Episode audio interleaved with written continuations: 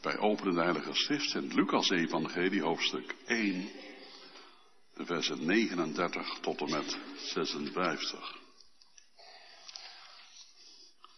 Lucas 1 vanaf vers 39 tot en met 56.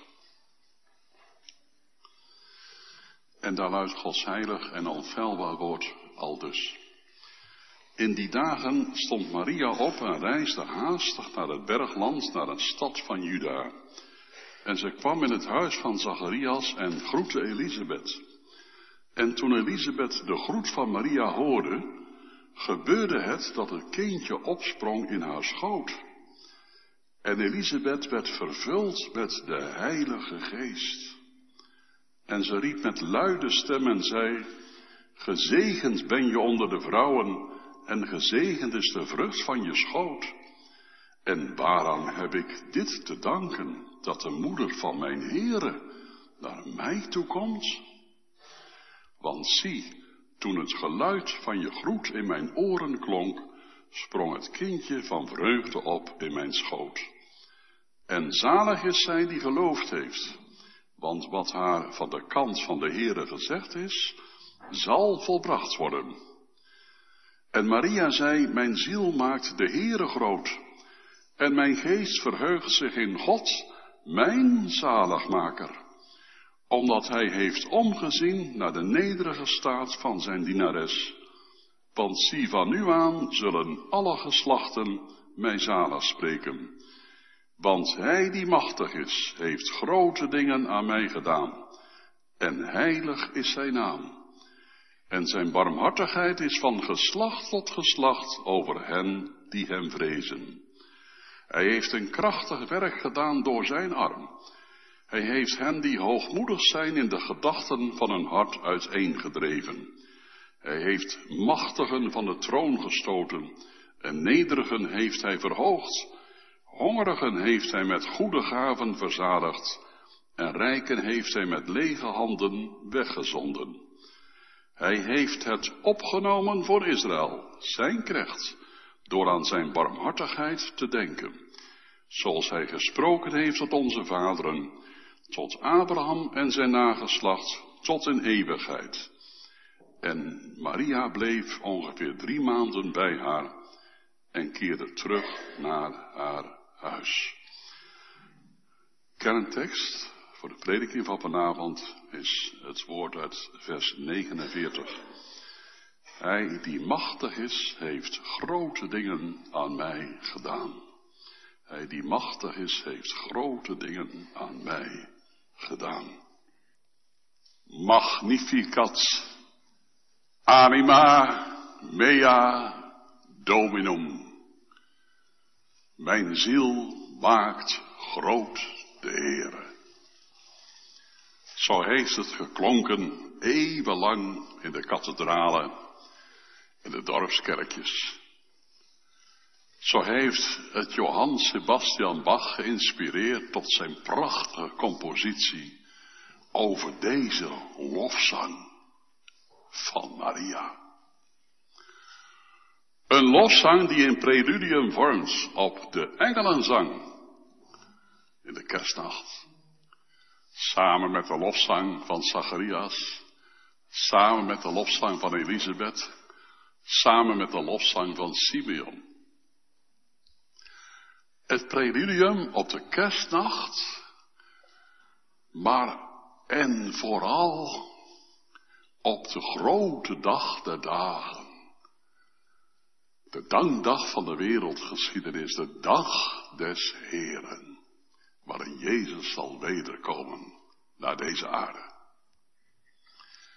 Want Maria overstijgt in deze lofzang niet alleen zichzelf, maar ook de geschiedenis van de wereld. In deze lofzang wordt ons op weergaloze wijze uitgelegd wie God is voor ons. Het is wel gezegd in de kerkgeschiedenis, het is een collage geworden van teksten uit het Oude Testament, die op een wondervolle manier samen in een nieuwe compositie een nieuwe melodie weven, die de hemelingen moet verblijd hebben en de engelen heeft aangezet tot nieuwe lofverheffing aan God. Een lofzang door een meisje van 16, 17 jaar, misschien zelfs jonger. Een meisje wat opgevoed was in een christelijk gezin, nee, in een joods gezin. Een jodinnetje. Augustinus zegt al van haar, een jodinnetje die de lofzang van Mirjam overneemt. Die aan de oever van de zee, nadat Israël droogvoets daardoor geleid was, zong, hoog verheven is de Heere. Loof den Heere, want hij is hoog verheven. Augustinus heeft gelijk. Vindt u dit? Maria, of zoals haar naam in het Hebreeuws geluid heeft gehoord werd, Mirjam, heeft de Mirjam van het Oude Testament overtroffen. Want ging het bij de Mirjam van het Oude Testament om de verlossing van Israël, het gaat in deze lofzang over de verlossing van de wereld. Zelfs zodanig, zo allesomvattend, dat ze begint met te zeggen, mijn ziel maakt groot de Heere. En mijn geest verheft zich in God, mijn zaligmaker. Mijn geest verheugt zich in God, mijn zaligmaker. Ze zegt die dingen die eigenlijk niet door een mens kunnen worden uitgesproken. Want hoe kun je God verhogen, God groter maken? Als kind begreep ik het al niet goed en dacht ik als de dominee had over God groot maken. Ja, God is toch al groot, die kun je toch niet groter maken? Totdat iemand mij vertelde, toen jij stond op te scheppen over je vader op het schoolplein. Toen jij stond op te scheppen dat jouw vader veel sterker was dan de vaders van, uh, van andere jongens op school. Toen stond jij je vader groot te maken. Dus opscheppen, liever gezegd, het Bijbelse woord gebruikend, roemen, pochen, betekent dat letterlijk, roemen in God, is God groot maken. En verheffen. En wie dat doet, gaat iets ervaren. Die gaat iets ervaren. Luther heeft het zo gezegd. God kan niet groter worden als hij al is. Want hij is de Allerhoogste. God kijkt dan ook nooit naar boven. Want er is niemand boven God. Maar, zegt Luther, God kijkt ook niet om zich heen. Want wie is aan God gelijk? Wat God doet, zegt Luther, hij kijkt naar beneden. Hij ziet op ons. Dat is God. En wie hem groot maakt, ontdekt dat hij met zijn of haar lot bewogen is. Dat hij omziet naar ons. Of zoals verderop in de lofzang staat van Israël, hij neemt het op voor Israël en ook voor allen die in Israëls God geloven door Christus Jezus. God groot maken is die God groot maken die zich klein heeft gemaakt. Kleiner kon niet. Toen God in een kribbe lag in Bethlehem. Was onmogelijk, ondenkbaar om hem nog kleiner te maken in de conceptie. Toen Maria werd overschaduwd door de Heilige Geest. Ik ben het met die uitleggers eens, met name het Nederlandse taalgebied met professor Van Brugge uit Kampen, die het moment van de overschaduwing door de Heilige Geest legt bij het binnenkomen van Maria in het huis van Zacharias en Elisabeth. toen zij de drempel overschreed van het huisje van Zacharias en Elisabeth in Einkarem, niet zo ver van Jeruzalem vandaan. Toen vond plaats de overschaduwing door de Heilige Geest. Die allerheiligste conceptie, zwanger bevonden uit de Heilige Geest. Dat wordt onderstreept. Want toen Maria Elisabeth begroette, zeer waarschijnlijk met Shalom, vrede zei je, Elisabeth. Toen dat shalom klonk, gebeurde er iets in Elisabeths moederschoot. Toen Elisabeth de groet van Maria hoorde, gebeurde het dat het kindje opsprong in haar schoot. En Elisabeth werd vervuld met de Heilige Geest. Er kwam een bijzondere echo, de overschaduwing van de moederschoot van Maria. Die vond haar weerklank in de moederschoot van Elisabeth. En het kindje sprong op van vreugde in haar schoot. En Elisabeth raakte ook vervuld met de Heilige Geest. En dan gaat ze iets zeggen, Elisabeth, wat ze onmogelijk kon weten. Want ze was niet bij de aankondiging van de geboorte van de Heer Jezus geweest in Nazareth. Toen Maria bezocht werd door de engel Gabriel. Daar had ze helemaal nog niets van gehoord of geweten. Want nu komt diezelfde Maria voor het eerst bij haar om haar dat te gaan vertellen. Maar voordat ze dat kan vertellen, roept Elisabeth met luide stem, gezegend ben je onder de vrouwen en gezegend is de vrucht van je schoot. En waarom heb ik het te dranken dat de moeder van mijn heren naar mij toe komt? Hoe wist Elisabeth dat? Zij werd vervuld van de Heilige Geest, die haar bekend maakte. Deze jonge vrouw is de moeder van jouw Heere. Opmerkelijk detail is dat Elisabeth het uitroept met luide stem. Zij heeft het uitgeroepen. Dat doet ons denken aan het luide roepen van Christus. Hij heeft, zo staat in de Hebreeënbrief, onder sterk roepen en tranen geleden. Je vindt elke keer in het Nieuwe Testament die wisselwerking tussen beleidschap en droefheid. En dat zal zo blijven in het leven van Gods kinderen, totdat Jezus straks terugkeert naar de wereld. Blijdschap en droefheid. De droefheid, zegt Paulus, naar God die een onberouwelijke bekering tot zaligheid werkt. En de blijdschap in God door Christus Jezus, die ons alle dingen laat vermogen. Zondag 32. Wat is de waarachtige bekering? Een hartelijk leedwezen over de zonde. Een leedwezen over je zonde. En een hartelijke vreugde in God door Christus Jezus. Droefheid en blijdschap.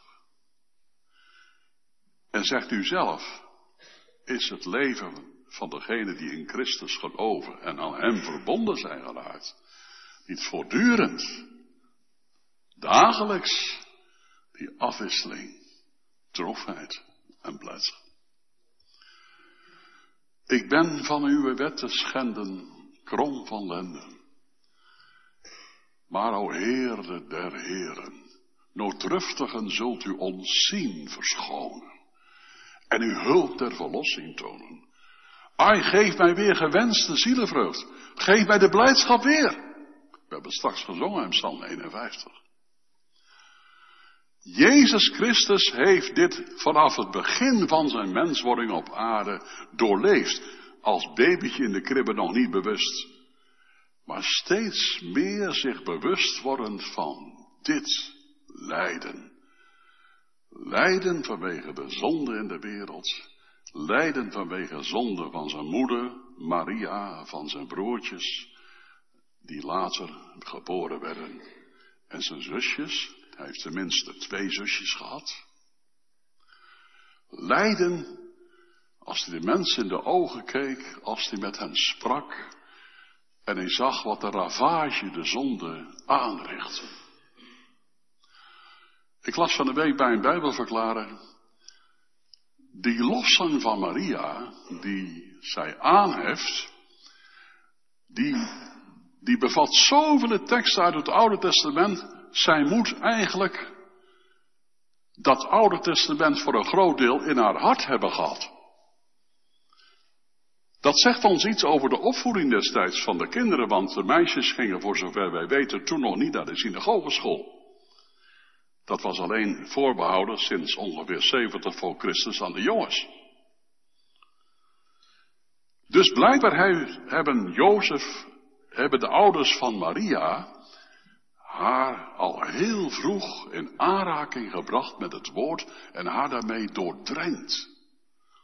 Het woord werd door haar ouders ook bewaard, bewaakt. Het was kostbaar als juwelen. Ze hadden toen nog geen Bijbel in huis. Dus de mondelinge overlevering was belangrijk. Wat ze hoorden als ouders in de synagoge werd aan de kinderen overgedragen. Toen zei hij verklaarde, een van de redenen waarom de ouders in Israël de kinderen al heel vroeg het woord als het ware ingoten, was de erfzonde. Als in Psalm 51 wordt gezegd, in zonde ben ik geboren en heeft mijn moeder mij ontvangen, dan is dat geen negatieve uiting over de geslachtsdaad, maar de erfzonde die van geslacht op geslacht wordt overgeplant. De moeders en de vaders in Israël beseften dat een kind het kwaad niet aangeleerd hoeft te worden. Dat zit al in de genen. Alleen het woord van God kan voorkomen dat wat in de genen zit tot een ravage wordt in het leven van een kind. Dat de zonde die die ravage aanricht, vrij spel in het leven van een kind krijgt. Wat is dit een geweldige bemoediging om als ouders toch maar door te zetten. Als het gaat over de opvoeding van onze kinderen bij het woord van God. Het zij dat je dat mede laat doen door de school, de zonderschool, de catechese, de prediking van het woord, op welke manier dan ook. Maar ook dat je zelf daarmee bezig bent met je kinderen. Wel, voordat het zover is dat Maria deze lofzang gaat zingen en uitroepen, horen we dus de roep van Elisabeth. Gezegend ben je onder de vrouwen en gezegend is de vrucht van je schoot. Want toen het geluid van je groet in mijn oren klonk, sprong het kindje van vreugde op in mijn schoot. En zalig is zij die geloofd heeft wat haar van de kant van de Heerde gezegd is. Het zal volbracht worden. Ja, zalig is zij die geloofd heeft. Toen, een paar weken daarvoor, misschien korter daarvoor nog, we weten dat niet precies, de engel Gabriel aankondigt dat ze overschaduwd zou worden door de Heilige Geest. Toen hij ze, toen de engel haar vertelde dat dat feit zou gaan plaatsvinden, dat feit gelooft. Ze heeft niet gedacht, ik moet eerst zien en dan hebben, dan, en dan geloven. Uh, ik kan het pas geloven als ik voel dat er een kind in mijn schoot groeit, of dat het kind in een wiegje ligt. Want zij wist nog niet van een kribje natuurlijk. Nee, zij heeft het woord van God geloofd. Je kunt ook zeggen vertrouwd. Dat is het begin van elke bekering. Dat je het woord van God gelooft, vertrouwt. En dan wordt er van dezelfde Maria in hoofdstuk 2 van het Lucas-evangelie twee keer gezegd dat ze daarna ook iets anders deed. Nadat ze het woord had geloofd, vertrouwd, heeft ze het bewaard in haar hart. Ze overlegde dat woord en bewaarde het. Het woord wat er staat in de Griekse taal betekent zoveel als ze heeft het woord gekoesterd. Ze heeft het bewaard als juwelen. Zorgvuldig. Het feit dat zij het woord van God heeft geloofd, wordt hier heel uitdrukkelijk door Elisabeth genoemd. Omdat diezelfde Elisabeth natuurlijk heel goed wist dat haar man Zacharias het woord van de engel niet had geloofd. Maar in plaats dat ze daar wat verbitterd over is, of dat ze daar jaloers op is, dat deze Maria, dat jonge meisje, het wel eens gelooft, rond zij dat geloof. Je kunt dus zien dat Elisabeth vervuld is geweest van de Heilige Geest. Want anders zou ze gezegd hebben, Maria, voordat je verder gaat, ik moet je wat nieuws vertellen. Ik ben, ik ben op mijn oude dag zwanger geworden. Nee, Elisabeth die cijfert zich helemaal weg. Elisabeth is vol van het kind wat gaat worden in de schoot van Maria. Maria is vol van het geloof wat Maria heeft. Die oudere Elisabeth vindt van de jonge meisje dat ze het goed doet. Mag ik het eens gewoon eenvoudig zeggen. Laten wij onze kinderen, als zij zich uiten als gelovig, laten wij hen dan ook merken dat ze het goed doen. Prijzen we hen voor het geloof wat zij vertellen, wat ze tot uiting brengen. Prijzen we hen voor de dingen die ze op school proberen te communiceren of later in hun werkkring. Zeggen wij evenals Elisabeth, zalig ben je, omdat je geloofd hebt. Want alles wat je gelooft, wat in de Bijbel staat en je gelooft, dat zal vervuld worden. Dat zal God volbrengen. Ze zegt niet als de oudere, wijzere vrouw.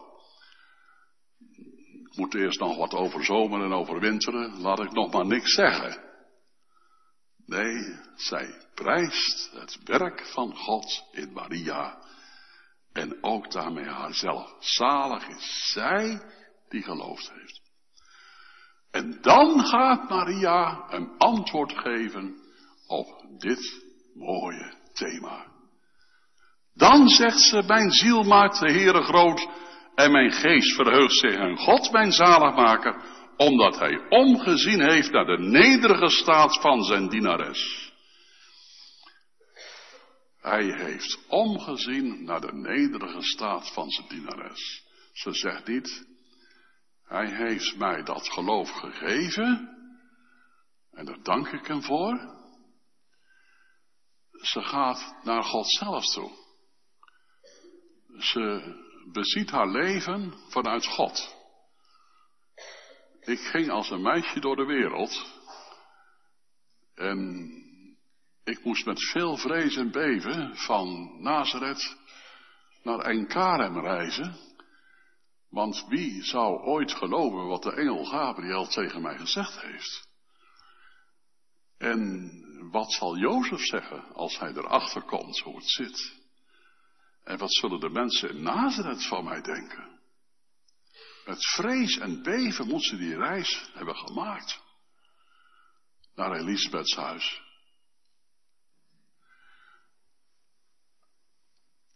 Maar dan gaat ze niet terugvallen op wat zij voelt, of hoe zij het ondervindt, maar hoe het van Gods kant uit is. Hij heeft omgezien naar mijn nederige status, kun je lezen. Mijn nederige status. Een eenvoudig dorpsmeisje. Een laatste telg uit het huis van David, wat een vervallen hut was geworden de vervallen hut van David. Niet in tel bij de dochters van de priesters, van de Sadduceeën en de Fariseeën in Jeruzalem. Niet in tel bij de wereld, maar bij God wel. Hij heeft, hij heeft naar mij omgezien. Als we het woord bevinding hierbij proberen te leggen. Het woord bevinding, wat, wat betekent ondervinding dat het woord waar is. Ervaren dat het woord waar is. Dan vinden we hier een prachtige uitleg van dat woord bevinding. Maria ervoer dat het woord van God waar was, is en zijn zal. En ik zeg het zo eenvoudig, hè?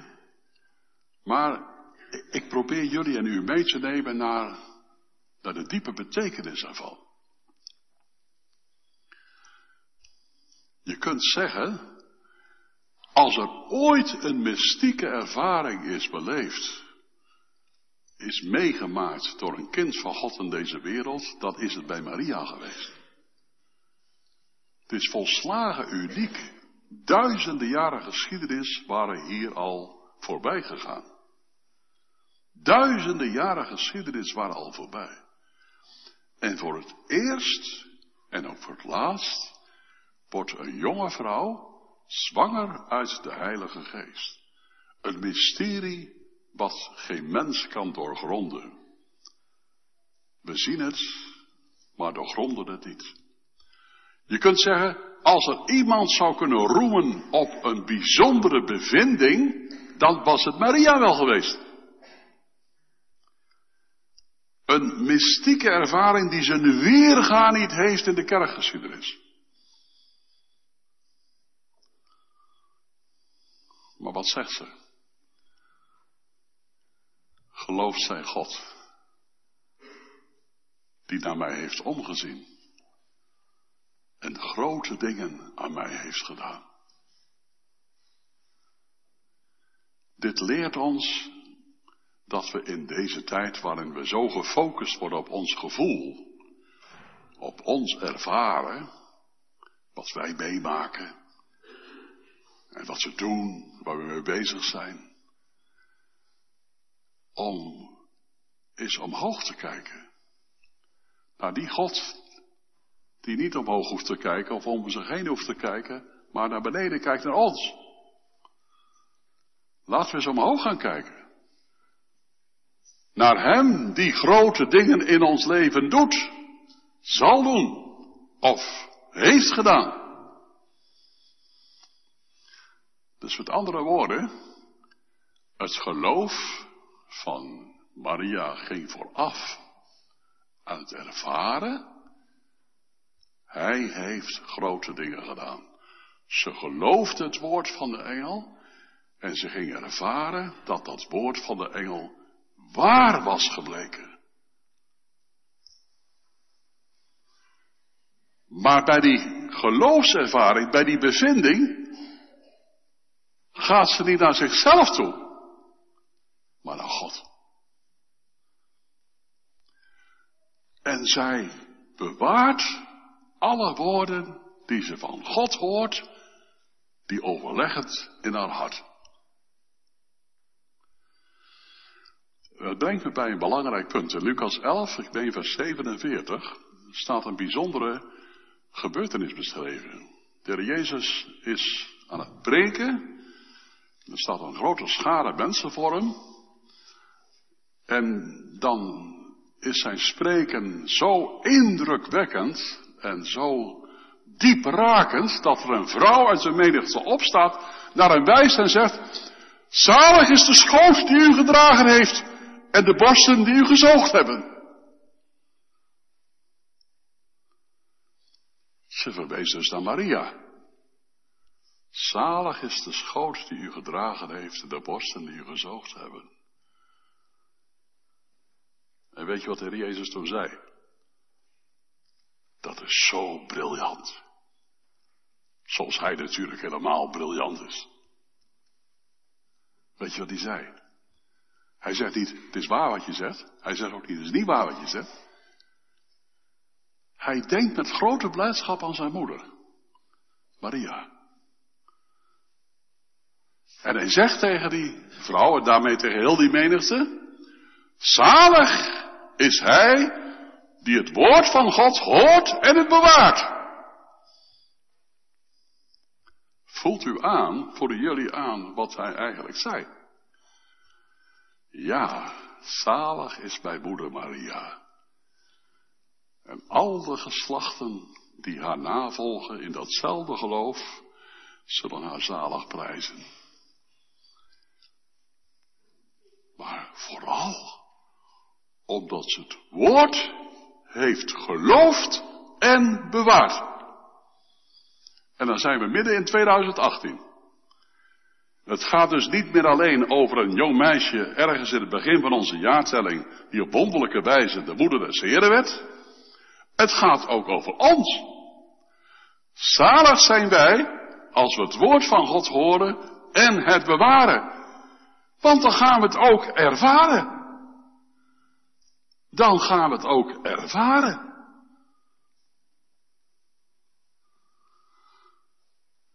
Ja, daar heb ik toch wel een kanttekening bij, dominee. Hoezo? Nou, wat Maria ging ervaren, dat was uh, de pijn van de weeën bij de geboorte van Jezus. En het zwaard wat door haar ziel ging, toen ze de Heer Jezus aan het kruis zag genageld worden. De woorden van Simeon, die haar ook al een waarschuwing hadden gegeven, deze is gezet tot een val en een opstanding voor velen en Israël. Dus als u zegt, bekering is geloven, vertrouwen en het woord van God wat je hoort bewaren, dan ga je het ook ervaren. Dan kunnen dat dus blijkbaar ook heel negatieve ervaringen zijn. Daar heeft u gelijk aan. Althans, negatief in de zin van, ik zou het liever niet ervaren. Ik, ik ervaar liever niet afwijzing door mensen in de kerk. Of op mijn werk. Of in mijn gezin. Of in mijn huwelijk. En ik word dan soms getroost door dat psalmversje van een God die nimmer mij heeft afgewezen, nog mijn gebed gehoor ontzegd heeft. Maar ondertussen is het wel zo. En ondertussen leid je daaronder. Wel, dat is ook precies wat Maria natuurlijk geleden heeft. De afwijzing die ze als jong meisje heeft gehad toen zij uiteindelijk terugkwam naar Nazareth en Jozef haar tot zich nam. De afwijzing die ze heeft meegemaakt toen ze als een allochtoon in Egypte moest verkeren. Een asielzoekster. De afwijzing die ze heeft meegemaakt toen ze terugkeerde naar Israël en niet in het gebied van Bethlehem konden gaan wonen omdat daar door een engel een waarschuwing voor werd gegeven dat dat onmogelijk was en toen zijn ze teruggekeerd naar Nazareth. De afwijzing van een leven waarbij voortdurend dat jongetje besproken werd. Wat toenam in wijsheid bij God en de mensen, maar ook in afwijzing bij de mensen.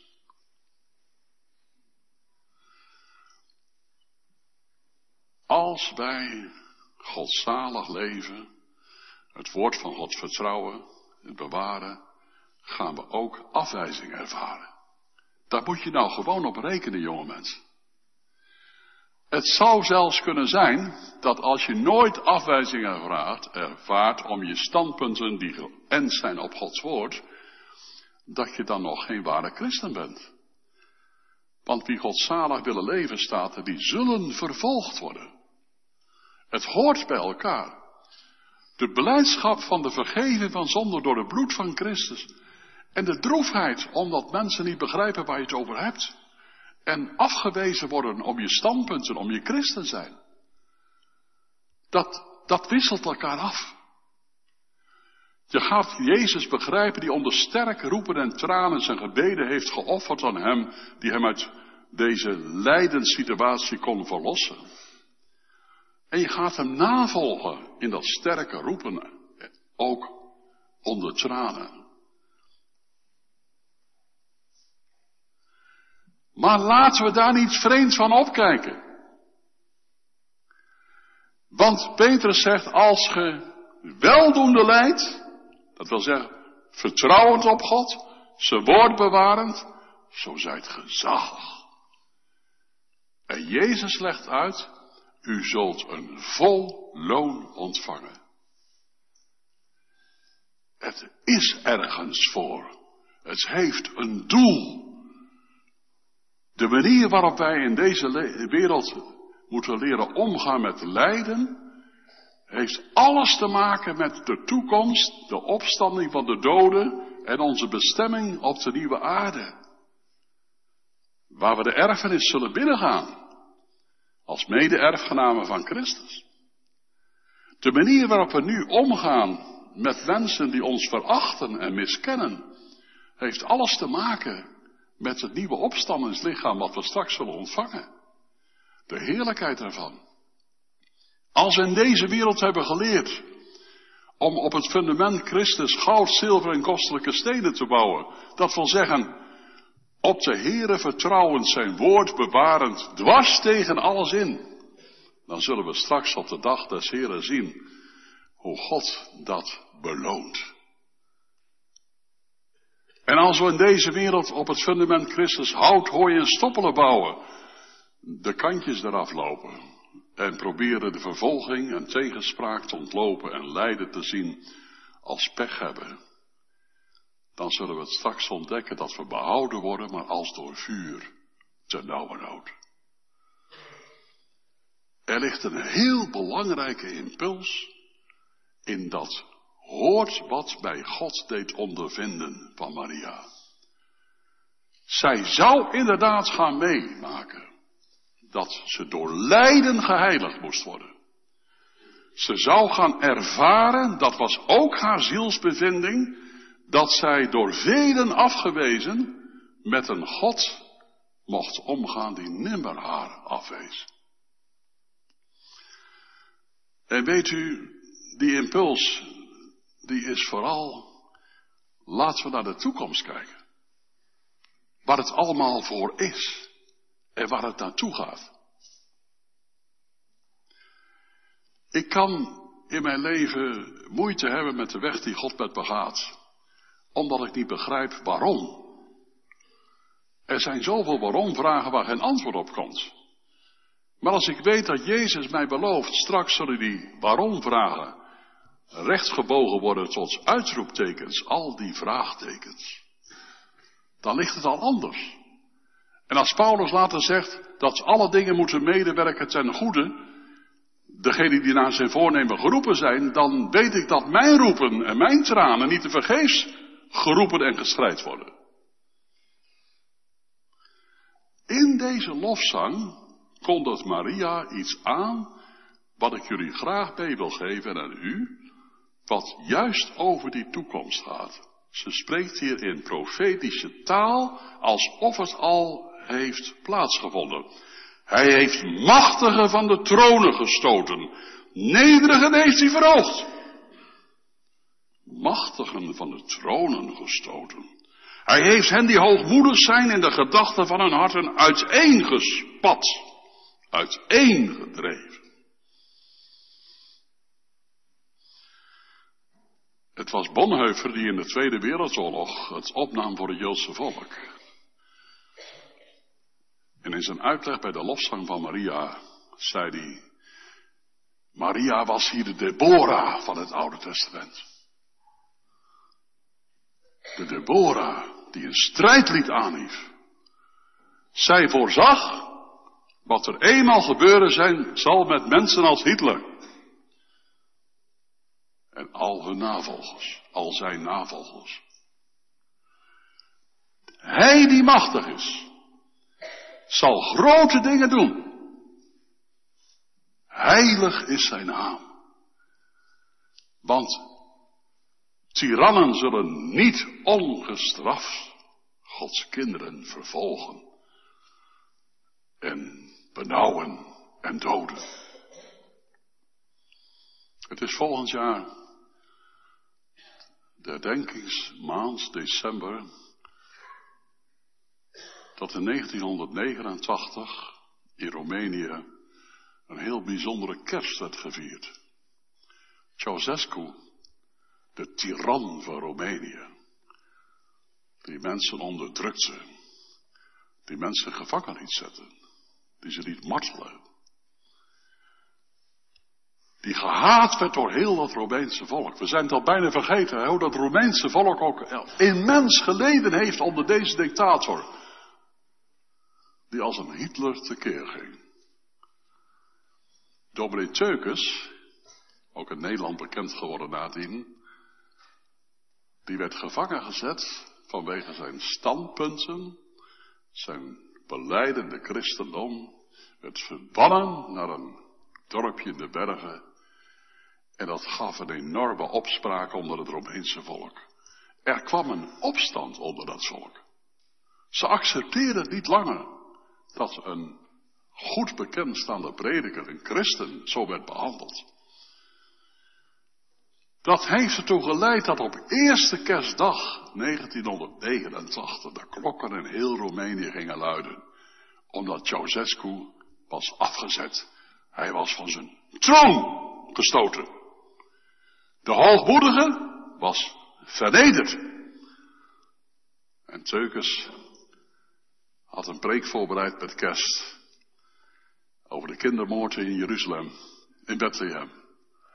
De kindermoord in Bethlehem, omdat dat door het volk van Roemenië begrepen werd. Onderdrukking, bloed, strijd.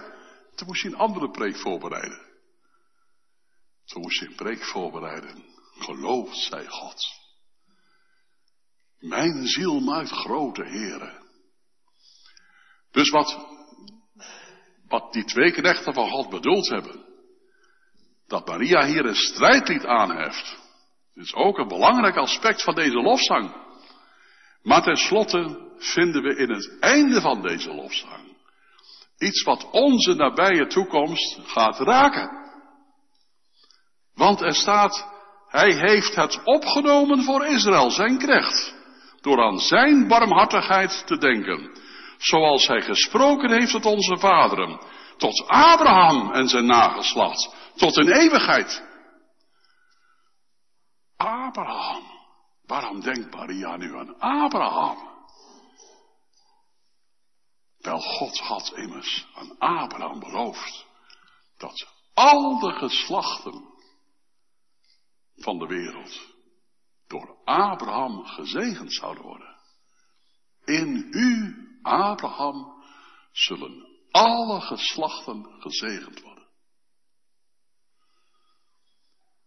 Maria mag hier, als de moeder des Heren, roemen in haar kind, haar zoon, de Messias, de koning Israëls, de Heere der Heren, en die alle geslachten zullen gezegend worden.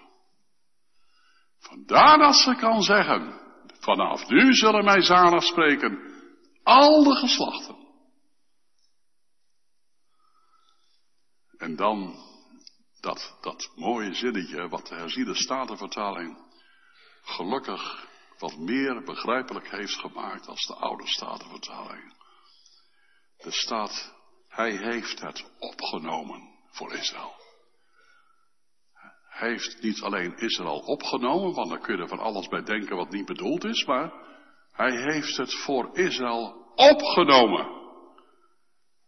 Zoals je het voor je kind, dat op school gepest wordt, opneemt. Zoals je het voor je man en je vrouw, die beroddeld en geklest wordt, opneemt. Hij heeft het opgenomen voor Israël. Wat hier staat, is nog maar ten dele vervuld. In Christus eerste komst heeft God het opgenomen van Israël.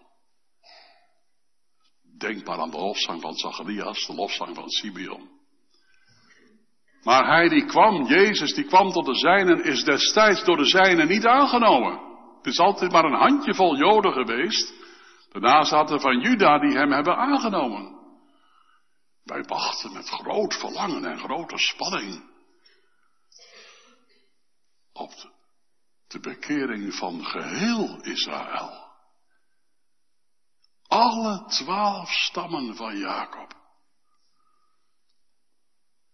En we zien met spanning toe hoe een deel van die stammen al naar Israël is getrokken, de Falasha's uit Ethiopië, de Bene Menashe uit India, en de Lipopo-stam uit Zuid-Afrika. Maar ze zullen komen van oosten en van westen en van noorden en zuiden. Brengt mijn dochters, zegt de profeet Jeremia, en mijn zonen terug. Hij zal het opnemen voor Israël zijn knecht op een manier die de wereld zal schokken. En hij zal gans Israël, alle nazaten van Jacob, in genade aanzien. Die God, die niet hoog hoeft te kijken, omdat hij de allerhoogste is. Die niet om zich heen hoeft te kijken, omdat niemand aan hem gelijk is. Zal op dat wormke Jacob zien.